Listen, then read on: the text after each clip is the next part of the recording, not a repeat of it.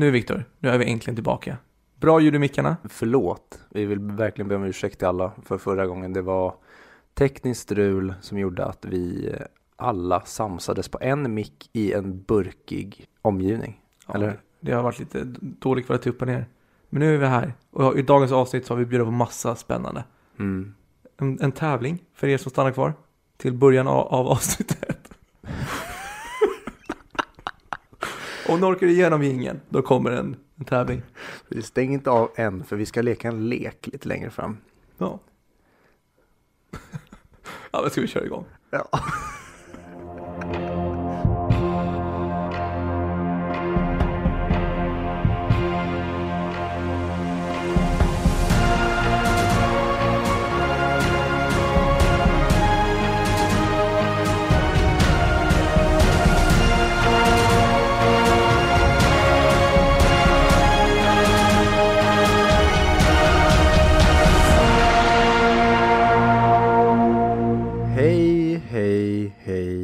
Välkomna tillbaka till 100 Mic Podcast. Podcasten där vi pratar upp IMDBs topp.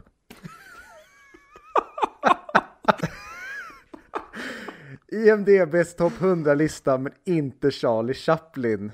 Och den här veckan så är vi nere på placering 87 och vi ska idag prata om Fritz Langs film M, eller som den heter på tyska, Eine Stadt sucht einen Mörder. Som jag antar att det uttalas, jag talar inte tyska. Jag heter ju som vanligt Viktor. Och med mig idag, som vanligt har jag med mig idag, Fredrik Jakob Ludvig Lindström Billberg. heter du det? Ja. Imponerande. Det känns som att jag har hört det förut. Imponerande att jag heter det eller att jag kommer ihåg att jag heter det. Båda. Ja, tack. Men eh, ja, innan vi kommer in på filmen så skulle jag vilja leka en liten lek med dig.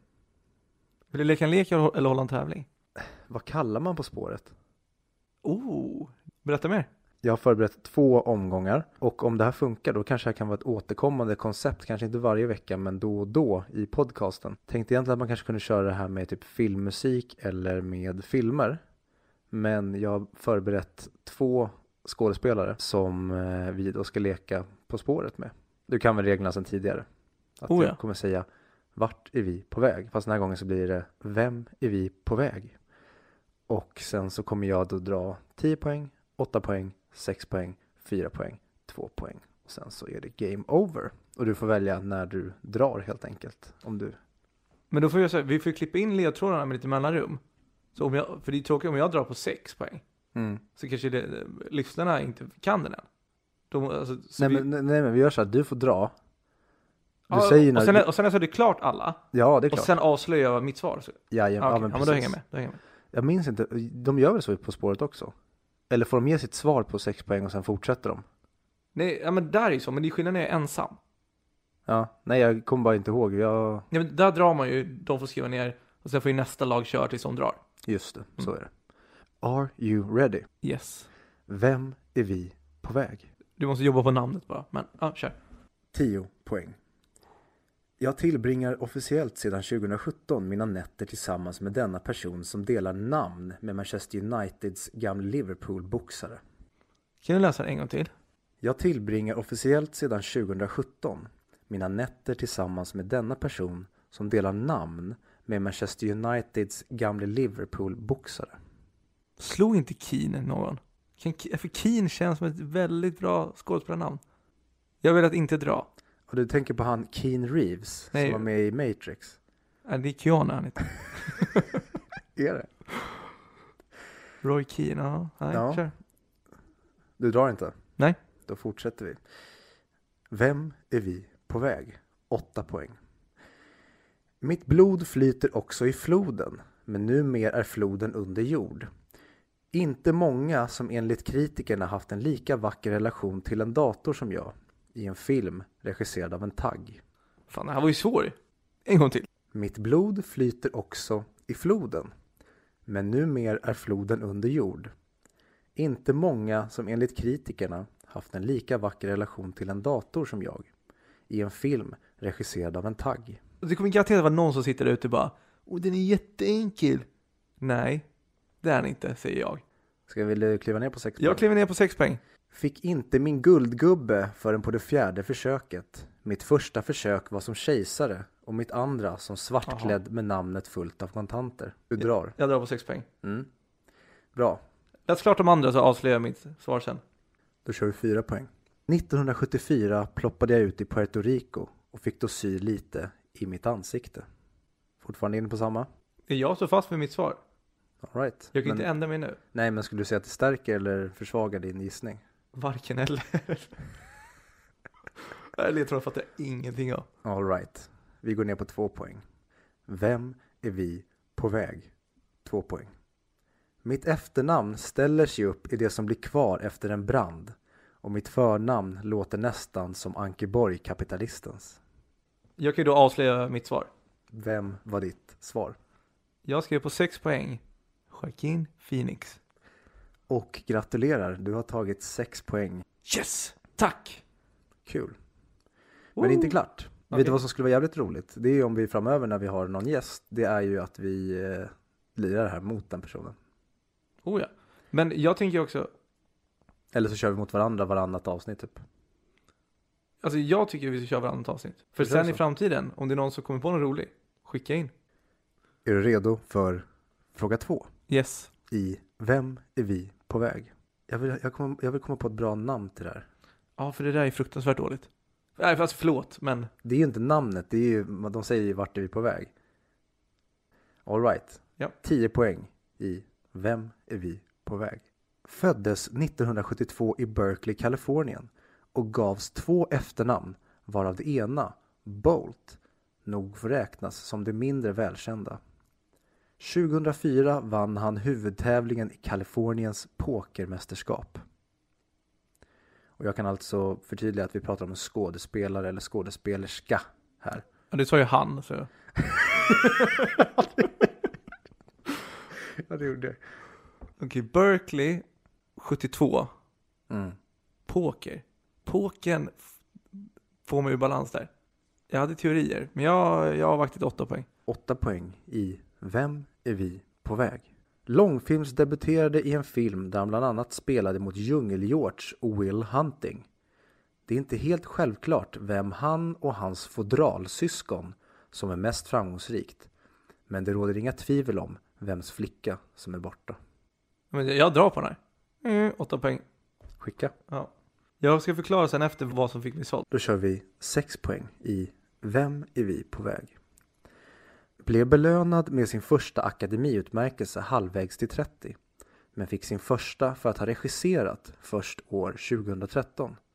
En film där man bad varandra gå och ha sex med sig själv på ett lekfullt sätt som innehöll filmens titel. Är du närmare eller längre bort ditt svar? Vet inte. Blir jag för ivrig? Kör fyra poäng för de som inte... Vi går på Vet fyra poäng i Vem är vi på väg? Är en av många som spelat Läderlappen på vita duken. En roll som han gjorde i tre stycken filmer. I två filmerna sågs han tillsammans med den undrande kvinnan. Han var även förlovad med Jenny från kvarteret under en kort period. Läs upp två pengar också. Vi går på två poäng i Vem är vi på väg? Denna Benjamins andra efternamn låter som det man får om man råkar spilla på mormors dyra matta. Och jag fick ju åtta poäng. Ja. Ja. Vet du vad jag svarade? Berätta. Ben Affleck. Ben Affleck. Och vet du vad, vad tog den på? Kan det vara flickan som är borta? Oh ja. Nästan lite för lätt, men jag tror det var jävligt bra. den kanske man skulle haft nere på sexan. Ja, det tror jag. Mm. För sexan, sexan tycker jag var svårare. Ja, kanske. Har inte han regisserat den här filmen de ska få ut folk genom att låtsas vara filmcrew? Jo, Argo. Ja, Argo, just det. Och där säger de ju Argo fuck yourself. Och det är därför jag hade med Ah. en film där man bad varandra gå och ha sex med sig själva på ett lekfullt sätt som innehöll filmens titel. Exakt, okej. Ja, men det var ju jättekul. Ja, roligt. Då har du hittills... Vi fick 8 plus 6 poäng. Ja men kul, det är, det är en stark debutscore. Det är 14 poäng. För er som inte kan matte. Okej, men tror du att någon, att någon lyssnare tar mig på det? Ja, någon borde väl göra det. Tror du Ah, att, nej, kanske inte. är det en 10-8 eller? Jag tror snarare att, ja kanske 8 på första i så fall. Är det någon som är väldigt, väldigt fotbollsintresserad så kan man ju förmodligen ta Jacqueline Phoenix på 10 poäng när jag sa Manchester Uniteds Liverpool-boxare. För då vet man att det är Wayne Rooney, för han är från Liverpool, han har hållit på med boxning. Och då hör man Rooney. Och ja, i och för sig, då måste man också ha väldigt mycket koll på film och veta att Jacqueline Phoenix är tillsammans med Rooney Mara. Ah, det visste inte jag. Den, den är bra. Där brast ju lite för mig. Jag kan inte så mycket om fotbollen där. Mm. Men jag älskar Roy Keane. Uppenbarligen. Åh, jag älskar Roy Keane. Mm. Ehm, Jag lyssnade för övrigt på en eh, podcast där eh, vår allas älskade Jonathan Unge var med, en fotbollspodd. mm. Där han eh, just sa att han, älsk eller han hatade Roy Keane fram tills han kollade mycket på honom på YouTube. Då började han älska honom. Klart han gjorde. Och han, hans favoritspelare var Johan Elmander. Det var för att Johan Elmander hade aldrig gjort ett rent mål i hela sitt liv. Han bara armbågar ner någon och skjuter lite toffligt. Och det sa han att han själv identifierar sig med.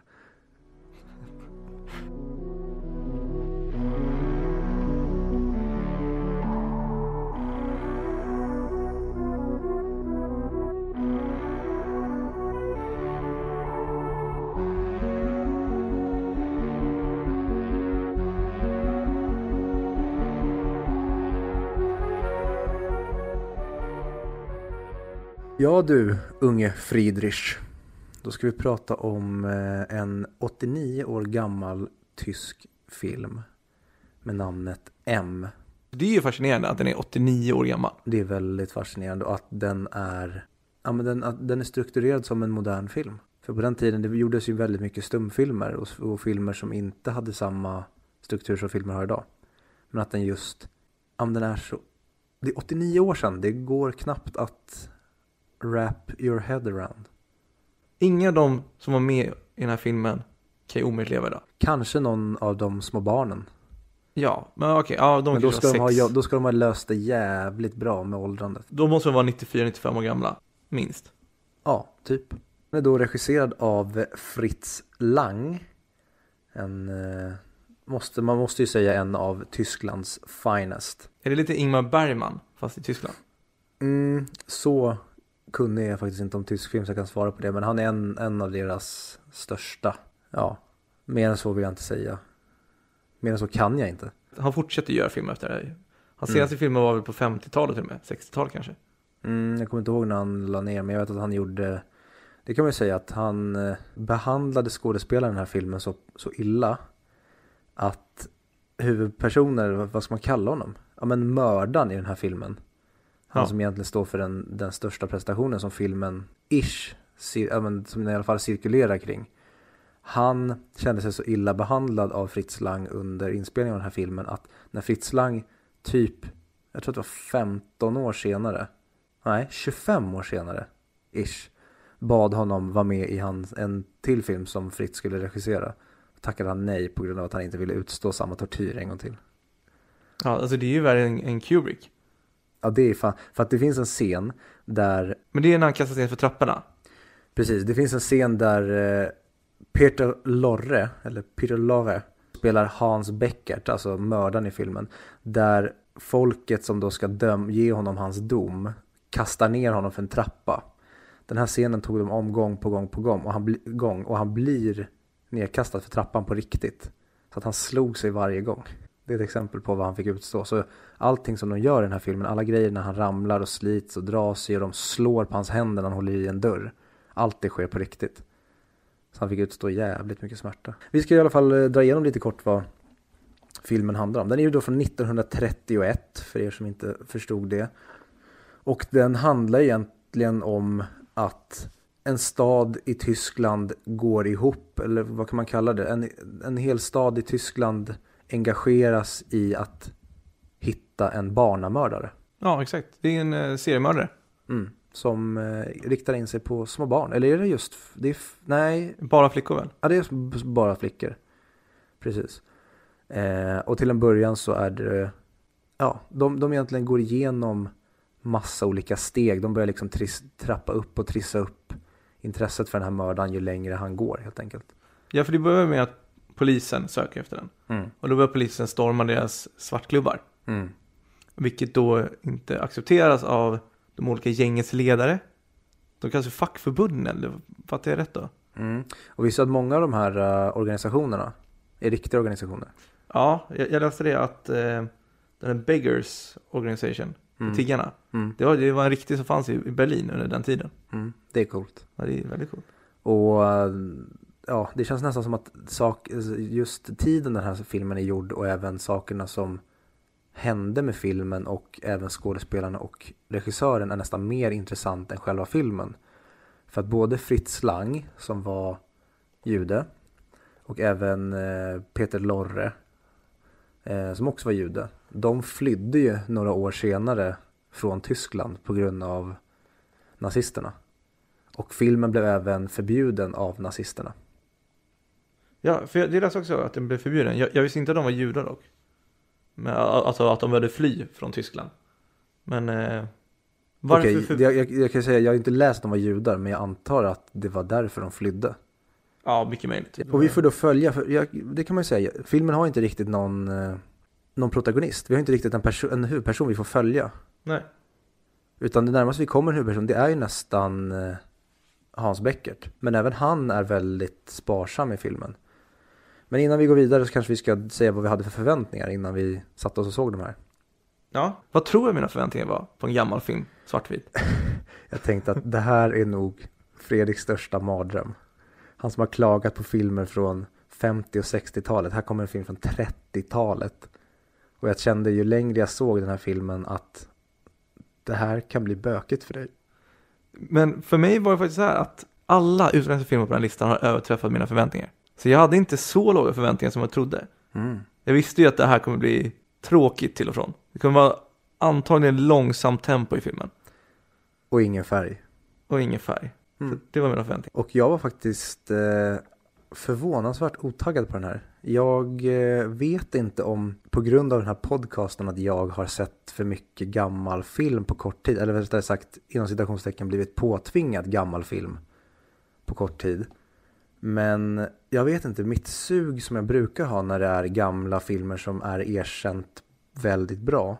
Det fanns inte den här gången. Det kan bero också på min dagsform att jag inte var ja, sugen på något sätt att se någonting i den här stilen. Men det tog emot att sätta mig och se den. Och jag lämnar det där. Bra cliffhanger. Mm. Eh, får jag bara slänga in lite roliga saker om den här filmen? Absolut. Eh, visste du att du vet court-scenen i, i slutet? Mm. Många av dem som var castade där, Mm. att det var riktiga kriminella på den tiden. Mm. Att 24 stycken totalt under filmningen blev arresterade. Det, det är ju väldigt märkligt. Det är jätteabsurt. det är skitfittigt att dra in dem där och som de sen blir tagna. Han måste bli hatad. Jag läste också att det klassiska saken med Joffrey, med egentligen alla skådespelare som spelar en bad guy. Sen samma sak med Peter Lorre. Att Han blev, eh, vad heter det? Vad heter det? associated, Precis, han blev framad som barnamördare. exakt. Mm. Men vad tyckte du faktiskt om filmen då? Eh, jag måste säga att jag både, alltså jag bo, väldigt, väldigt eh, schizofren i vad jag tycker om den här. Den var på tok, alltså det är så här, det, det här, den här längden, eller vad säger jag, det här åldrandet, det här första gången som jag kände att åldrandet på en film, oavsett hur snyggt paketerat det är 89 år sedan, så var det alldeles för gammalt.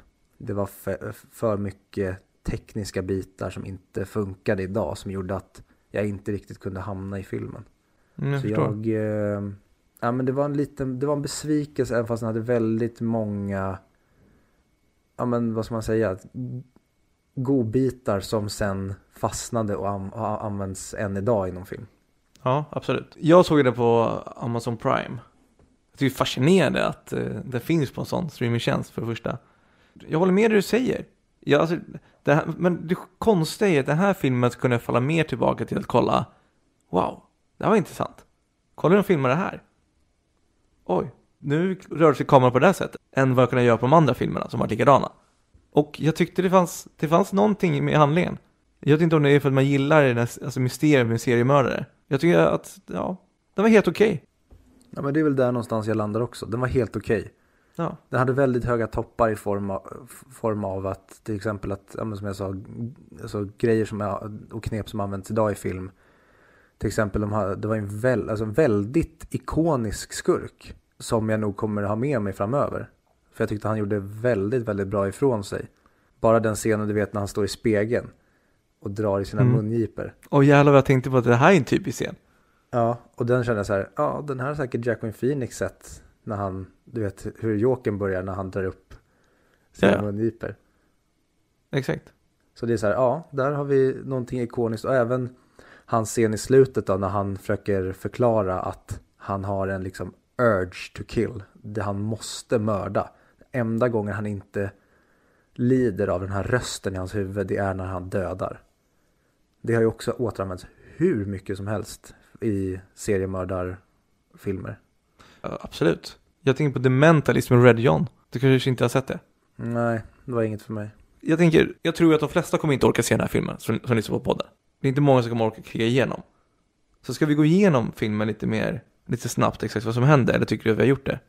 Nej, men jag tycker vi kan gå igenom den. Det är, det är väl ett sätt, alltså kanske lite en funktion vi ska ha i den här podcasten, kanske att försöka prata upp en film så att folk kanske blir sugna på att se den. Nu är det kanske lite mycket begärt att smörja någon till att se en film från 1931, men vi kan i alla fall som du sa, vi kan ju gå igenom handlingen. Mm, men det tycker jag. Ja men filmen börjar då med att eh, de eh, visar en, de annonserar att det är eh, barn som har försvunnit. Och vi får då följa hur, eller se hur en man hälsar på en liten flicka samtidigt som flickans mamma är hemma och förbereder och är väldigt glad över att snart ska flickan sluta skolan och komma hem. Och den här mannen då lockar med flickan bort till att de ska köpa, de köper en ballong va? Eh, ja, i ett ballongstånd av en blind man. Och den här mannen då som tar med den lilla flickan, han eh, visslar. Mm. Och hur visslar han Fredrik? Oh det här kan låta hemskt för öronen. Men han visslar så här.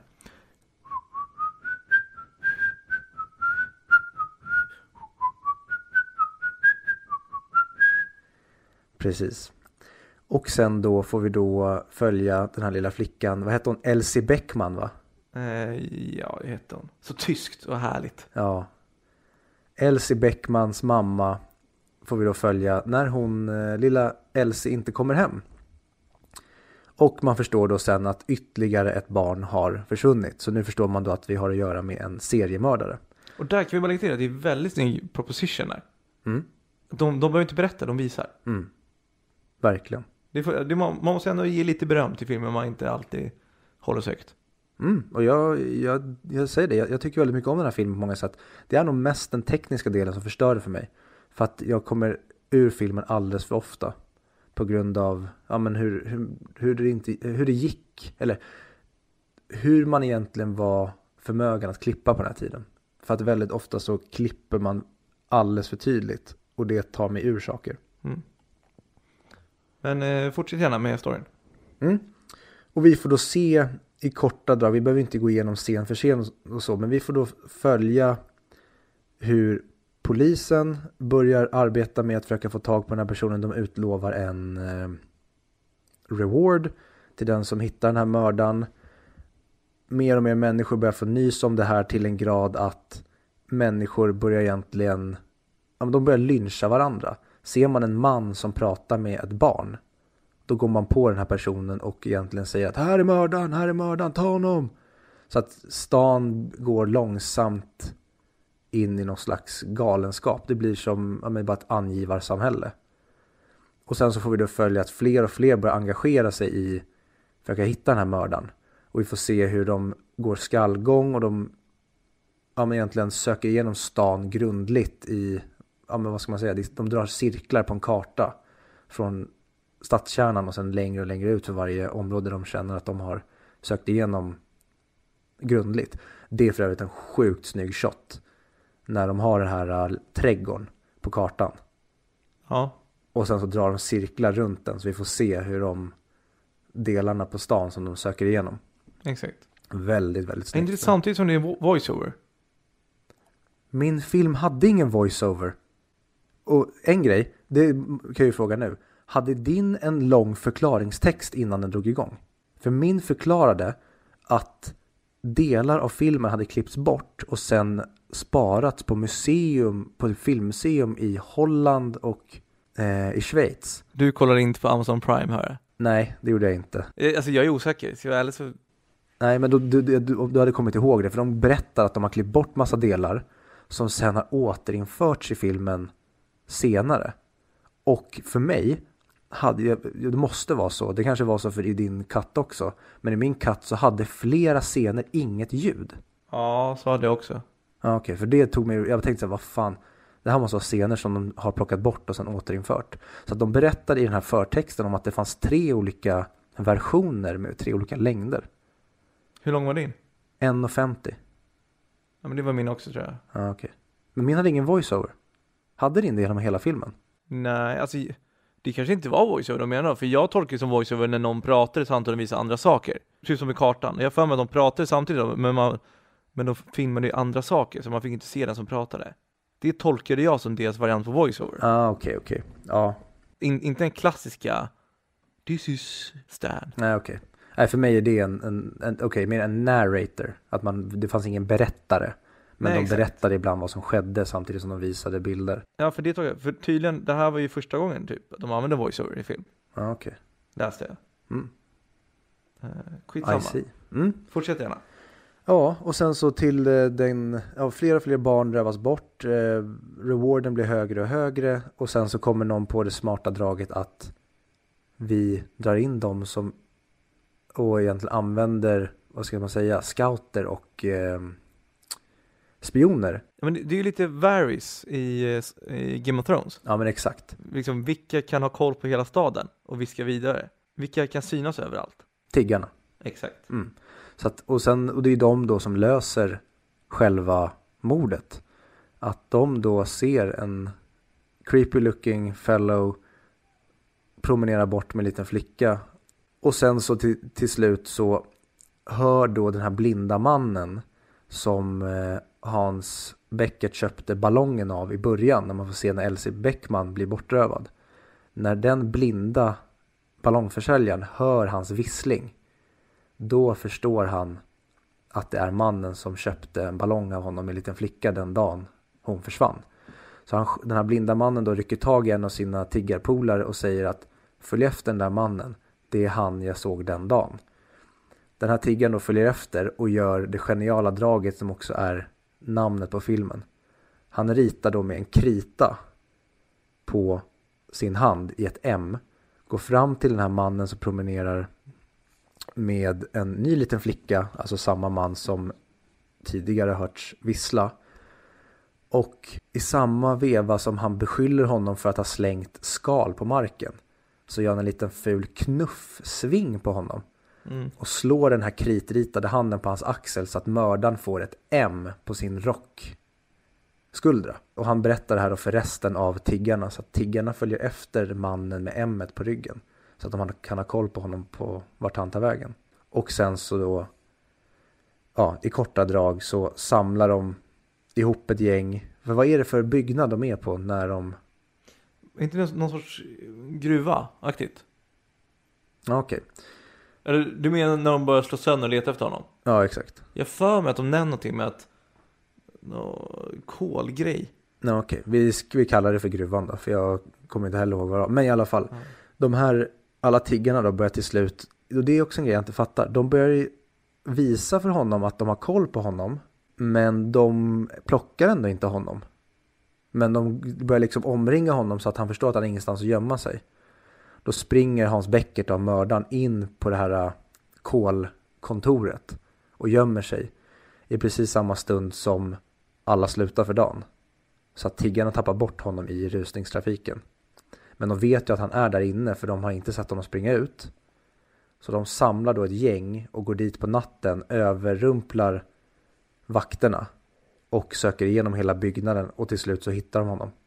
Ja, där var jag nära att tro att, nej fy fan vad dåligt det kommer vara om de inte hittar honom. Om han kommer undan nu. Mm. Men det gjorde jag inte. Nej, så tiggarna, eller the criminals får egentligen tag i honom och sen så tar de med honom ner till en eh, underground plats och tillsammans med, hur många kan de vara i det rummet? De sitter ungefär 50 pers. Ja, om inte mer. Ja, om Men inte typ- mer i ett rum och då ska istället för att de går till polisen med den här personen så bestämmer de själva att vi ska ta hans öde i våra händer. Och har en egen liten rättegång för honom under jord. Där han då beklagar sig och säger att det är röster i hans huvud som hela tiden, det känns som att han är förföljd av sig själv. Han mår för jävligt och piss och att det enda, enda gången han inte känner det här det är när han dödar. Och då börjar i alla fall jag känna lite sympati för honom. Oh ja, men det, det där är en evig... Eller fortsätt klart så tar vi diskussionen efter. All right. Och sen så egentligen så uh, slutar det med att uh, polisen kommer dit. Och sen sista scenen är att vi får se domare sätta sig i en rättssal. Och där slutar filmen. Det är en väldigt intressant filosofisk tanke, det där med huruvida vi kan bestraffa honom eller inte. Mm. Om man inte kan hjälpa det han gör, Mm. kan han då vara skyldig för det han gör? Ja, Det är det- Det är väl det de spelar på där. Frivilliga, alltså argumentet. Mm, och det säger ju, komiskt nog så har han ju en eh, åklagare. Nej, tvärtom. Han har en försvarsadvokat. Förlåt. Han, han har en försvarsadvokat Ja. som eh, försvarar honom där nere. Och det är precis det han säger. Att det här är inte han som gör det. Utan det här är ju en person, person som är sjuk. Han ska Exakt. inte behöva stå till svars för det här. Han ska ju få vård. Och det tycker jag också är en superintressant grej. Att de även körde på det konceptet så här länge sedan. För jag såg nyligen, har du sett serien Mindhunter? Oh ja.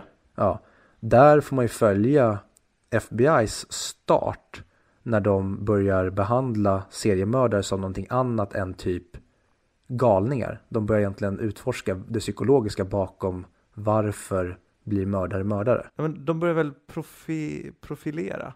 Ja. De börjar se att det finns faktiskt en grej som heter serial killer. Jo men de, de, börjar, börjar ut, alltså de börjar gå in på det psykologiska istället för att bara se dem som att de typ är possessed by the devil. Ja. och dödar för att de är galningar. De börjar liksom bena ut det och förstå att det finns lager och mönster här. Och det tycker jag är intressant att det är i, princip det de säger, alltså pratar lite om här med Hans Beckert. Ja, men det märks också att de inte har samma kunskap. Nej men precis, men det finns ändå ett, alltså, vad säger man, ett litet frö av det här. Och det är ändå så läng- långt innan. Det känns som att på 30-talet då borde man bara haft den inställningen av att det är djävulen eller den här snubben är galen. Ja, men man märker det ju på, han- alltså, för en, en, han skulle aldrig reagerat så som han gjorde. Så hade inte en seriemördare gjort. För han bryter ihop för mycket. En seriemördare som han, som går och visslar, sådär, och skriver brev till tidningarna, skulle inte bryta ihop. För en sån seriemördare vill bli tagen. En sån seriemördare vill få uppmärksamhet. I fall så som jag tolkat från när jag har sett andra serier. Mm, det kan jag absolut hålla med om. Så där, det är ju samma grej som i 2001 att de inte visste hur man gick när det var tyngdlöst. Det är därför de går, de går ju ändå lite konstigt då. Mm. Och här är samma sak, att de vet inte exakt hur seriemördare fungerar. De vet att det finns, men ja. Verkligen, intressant, det tänkte jag inte på. Och det, men det också hade ju gjort honom mindre sympatisk om man inte hade haft den där otroligt starka scenen i slutet. Ja, det har de tappat.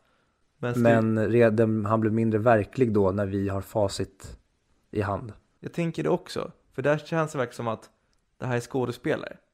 Snarare det känns som att det här hade kunnat vara Ted Bundy. Eller vad som Mm. helst. Och intressant grej är att Peter Lorre som spelar Hans Beckert, han hade tidigare typ bara gjort komiska roller. Ja, Och det är ytterligare bevis på att bra komediskådisar kan göra bra dramaroller.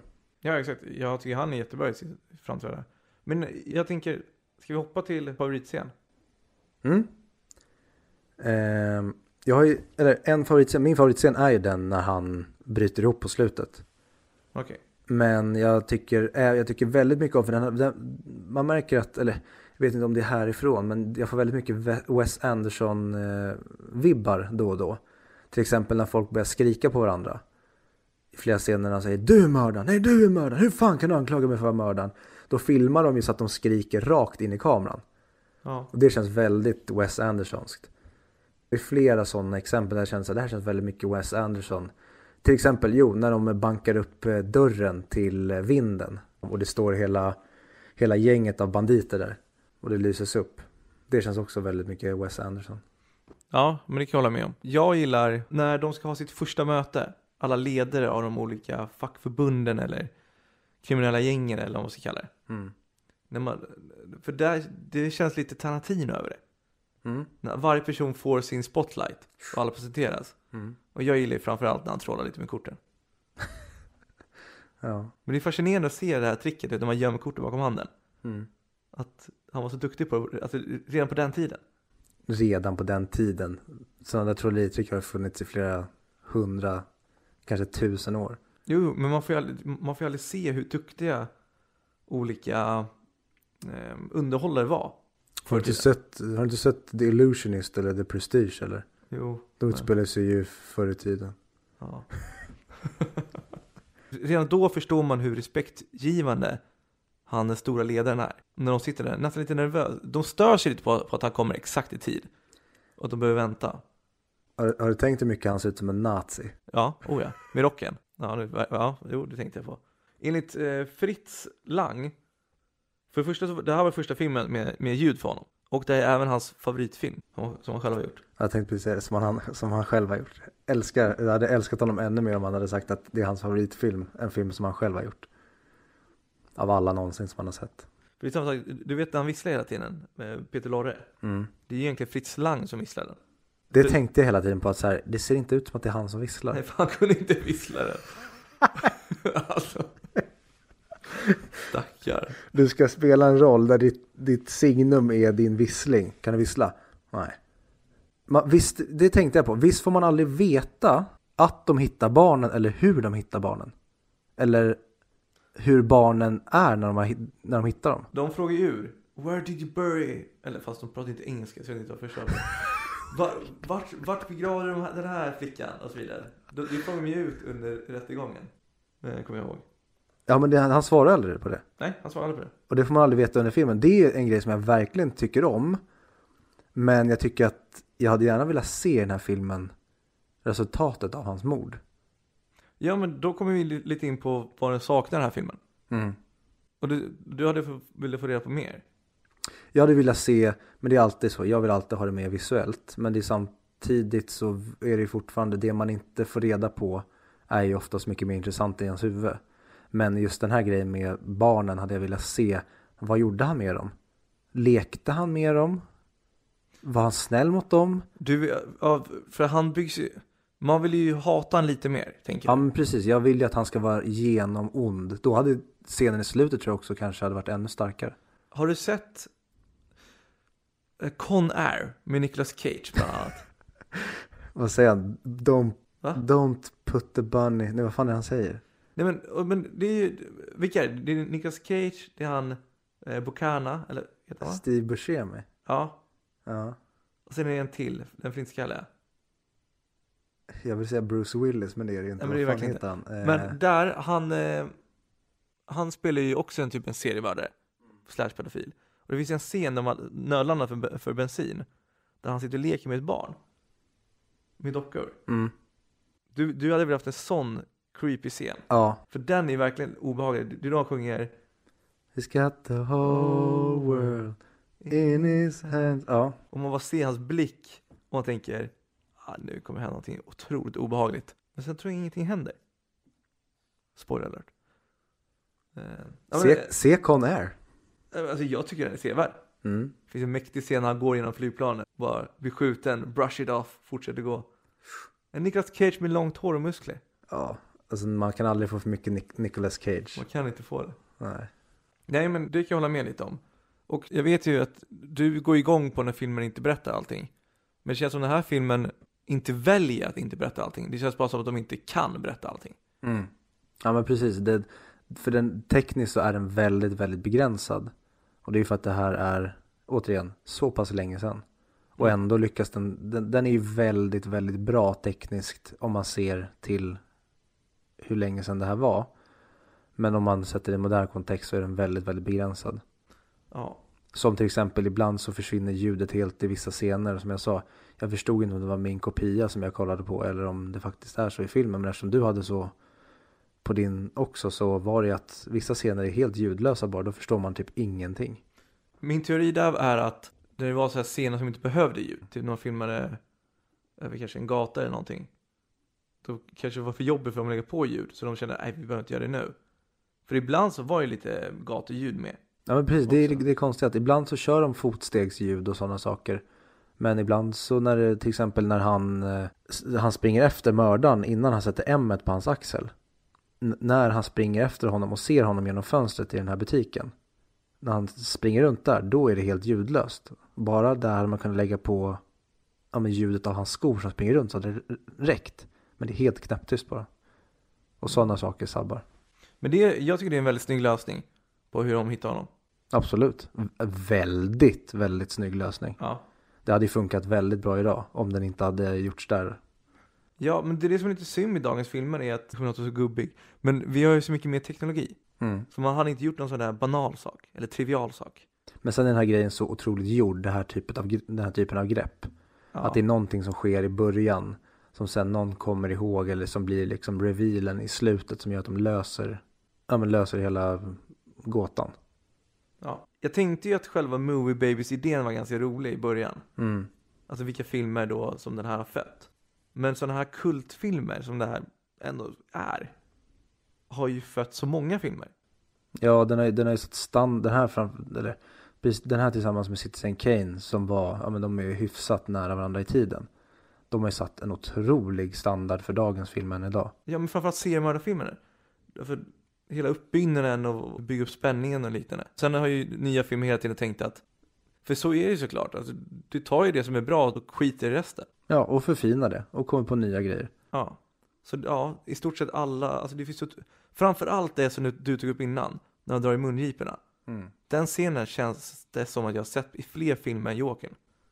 Säkert. Den det känns, kändes ändå familjär på något ja, sätt. men det, känns, det är jätteklassiskt att vi får se scenen när vi introduceras till galningen eller skurken eller någonting. Det är ju jätteofta man får se dem titta sig själva i en spegel och typ studera sig själva. Eller bara att Ja. man får se dem göra någonting väldigt enkelt som bara egentligen berättar vad för typ av person det här är. Och då är en sån grej som att han bara stirrar på sig själv och ser helt sjuk i huvudet ut och drar lite i sitt- sitt ansikte. Det har man ju sett förr. Eller har man sett efter rättare sagt. Men också saken om att han skrev till tidningen. Att han skrev brev. Ja, också. Jag tänkte direkt på Zodiac. Ja, oh ja. Och det är också ett grepp som används, ja, men som seriemördare på riktigt använder sig av. Ja men exakt, och då, det är då det brister för de vill ha uppmärksamhet. De vill Mm. ju göra det till en lek. Där brister också lite med hur han är som person. För han är ju inte så som han säger att han är. Frågan är, är det skådespeleri i slutet? Från hans sida? Det tror jag. Det är därför jag tycker scenen är så bra. Ah, okej. För jag tar det som att han försöker bara desperat få deras sympati i hopp om att han kanske ska kunna ta sig ur det här. I och med att han har försökt att fly. Ja, jo, det är mycket möjligt. Då är det ju då är det ju snyggt gjort av ändå. Ja, det tycker jag som fan. Han är ingen charmig kille eller? Nej, nej. Många andra seriemördare har, har ju en sorts charm. De är ju den där sociopaten. Mm. Men han är ju bara vidrig. Men han är ju han är fortfarande en bra antagonist. Jag tycker han är en jättebra antagonist. Alltså inte att han är en, man kan relatera till honom. Men han funkar väldigt bra som skurk i den här filmen. Ja, jag tycker att han känns lite för rädd. Men det är svårt för den här filmen har, det finns väldigt många, den, den vad ska man säga, den skift, den har liksom inte, den har inte en ton som hade funkat idag. Nej, mycket möjligt. Och jag tycker inte den, den, den har inte en ton som hade funkat tio år senare när Citizen Kane kom. Men att här, ja men verkligen i filmer där man pratar i den typen av filmers linda, när det här verkligen var i början av det hela. Då tycker jag att det funkar. Men om man ska se det, om du, som, som du säger själv, om man ska jämföra med filmer som kom sen och så. Då, då är det väldigt mycket av den här filmen som inte fungerar. Man får se den lite som en, ja men ett, ett gammalt dinosaurieben. Och bli fascinerad över det. Det är typ så jag får se den här. Ja, och det kände jag att jag inte, det behövde jag inte göra med Citizen Kane, för den tyckte jag funkade idag. Men den här är, den har liksom typ 90 år, det var, då har vi, det, det är ett för långt spann för mig. Där visade det sig att där, så långt tillbaka kunde inte ens jag gå, utan att jag fick bedöma den så som du sa om de andra filmerna. kul. Du har äntligen kommit över till min sida. Mm. 89, 89 år tog det. Där var brytgränsen. Mm. Eh, nej men, har du något mer du vill säga eller ska vi börja prata om betyg? Jag tycker vi går in på betyg. Vill du börja? Jag kan börja. Ja. Och det här är jättesvårt för jag vet fortfarande typ inte vad jag vill sätta på den. Men bara för att jag hade en ganska dålig tittning. Filmen fångade mig aldrig. så fanns det ändå, som jag sa, det fanns väldigt många toppar som jag gillade men det fanns också väldigt mycket dalande med dem som inte funkar så att jag sätter ändå 6 av 10 på den. Det, det, var, det, det var en bra, jag, jag, kan se den för vad det är och jag kan se vad den har gjort för filmhistorien.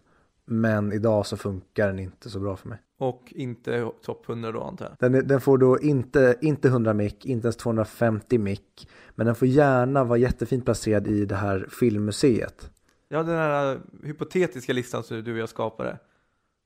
En lista Precis. för alla gamla filmer. Exakt, där. den här filmen är inte tillräckligt bra för att vara med på min 100-lista. Men den är väldigt snygg att ha i den här, det här fina vitrinskåpet jag har hemma. Det hade varit snyggt om, I, om IMDB fixade en lista, typ top, top 100 most influencing movies eller någonting. Mm. Så då kan jag vara med, för, alltså med Citizen Kane, med North by Northwest och de där. Ja, ja men precis. Uh, ja men jag köper det. Mm. Och vad sätter du? Uh, alltså rent filmmässigt så är den 5 av 10. Men rent respektmässigt så är det 6 av 10. Mm. Och jag menar, hade den inte varit på topp 100 och jag hade råkat se den på tvn så hade jag fått 5 av 10. Men, ja. nu, men nu, nu när jag sjukt nog går emot mig själv och allting jag sagt innan och kunde se den för vad den var så tycker jag ändå att den får 6 av 10. Mm. Ja, jag kan skriva upp på den motiveringen. Däremot inte topp 100, inte topp 250. Jag kommer antagligen aldrig se den igen. Om jag inte får ett sådär ryck i framtiden att jag vill kolla om alla filmer på topp 100. Om den nu befinner sig kvar. Vilket, jag, jag förstår inte hur den lyckas hålla sig kvar. Nej, det kan jag också. För jag kan tänka mig att det är många som går in och ja, men verkligen inte tål åldern på filmen. Som skulle rösta ner den. Så jag tycker det är jätteimponerande att den finns kvar fortfarande. Oh ja, gud ja. Ja men kul. Som vanligt, skriv till oss om ni har några önskemål eller funderingar eller bara synpunkter. Ni kan som vanligt nå oss på 100micpodcast.gmail.com och våra sociala medier, Twitter, Instagram och eh, Facebook är det 100mic podcast som gäller. Och skriv gärna vad ni fick för poäng. Slog du mig? Antagligen. Precis i Vem är vi på väg? Ja, vem är vi på väg? Och nästa vecka då ska vi prata om Good Will Hunting. Good Will Hunting kan ni då se på Netflix. Så då vet ni vilken kanal ni ska använda också. Så det är inga ursäkter. Nej, och Will, Good Will Hunting det är väl en film som typ, det känns som alla har sett den i skolan någon gång. Ja. Ja, men annars, ser ni igen så är ni updated till nästa veckas avsnitt. Exakt. Vi ska prata om eh, filmen om Stellan Skarsgård. Ska vi göra det? Nej, men han är med i den. Men ja. det är ju Matt Damons, vad säger man? Jag, Hans, jag, kan säga, jag kommer bjuda på ett roligt tankeexperiment nästa avsnitt. Vi får väl se. Ja. ja. Nej, men vi visslar väl eh, ut ur det här avsnittet så är vi tillbaka nästa vecka när eh, jag ska visa hur man eh, räknar matematik. är det du som är Peter Lorre eller är det du som är Fritz Lang? Hej då! Hej då!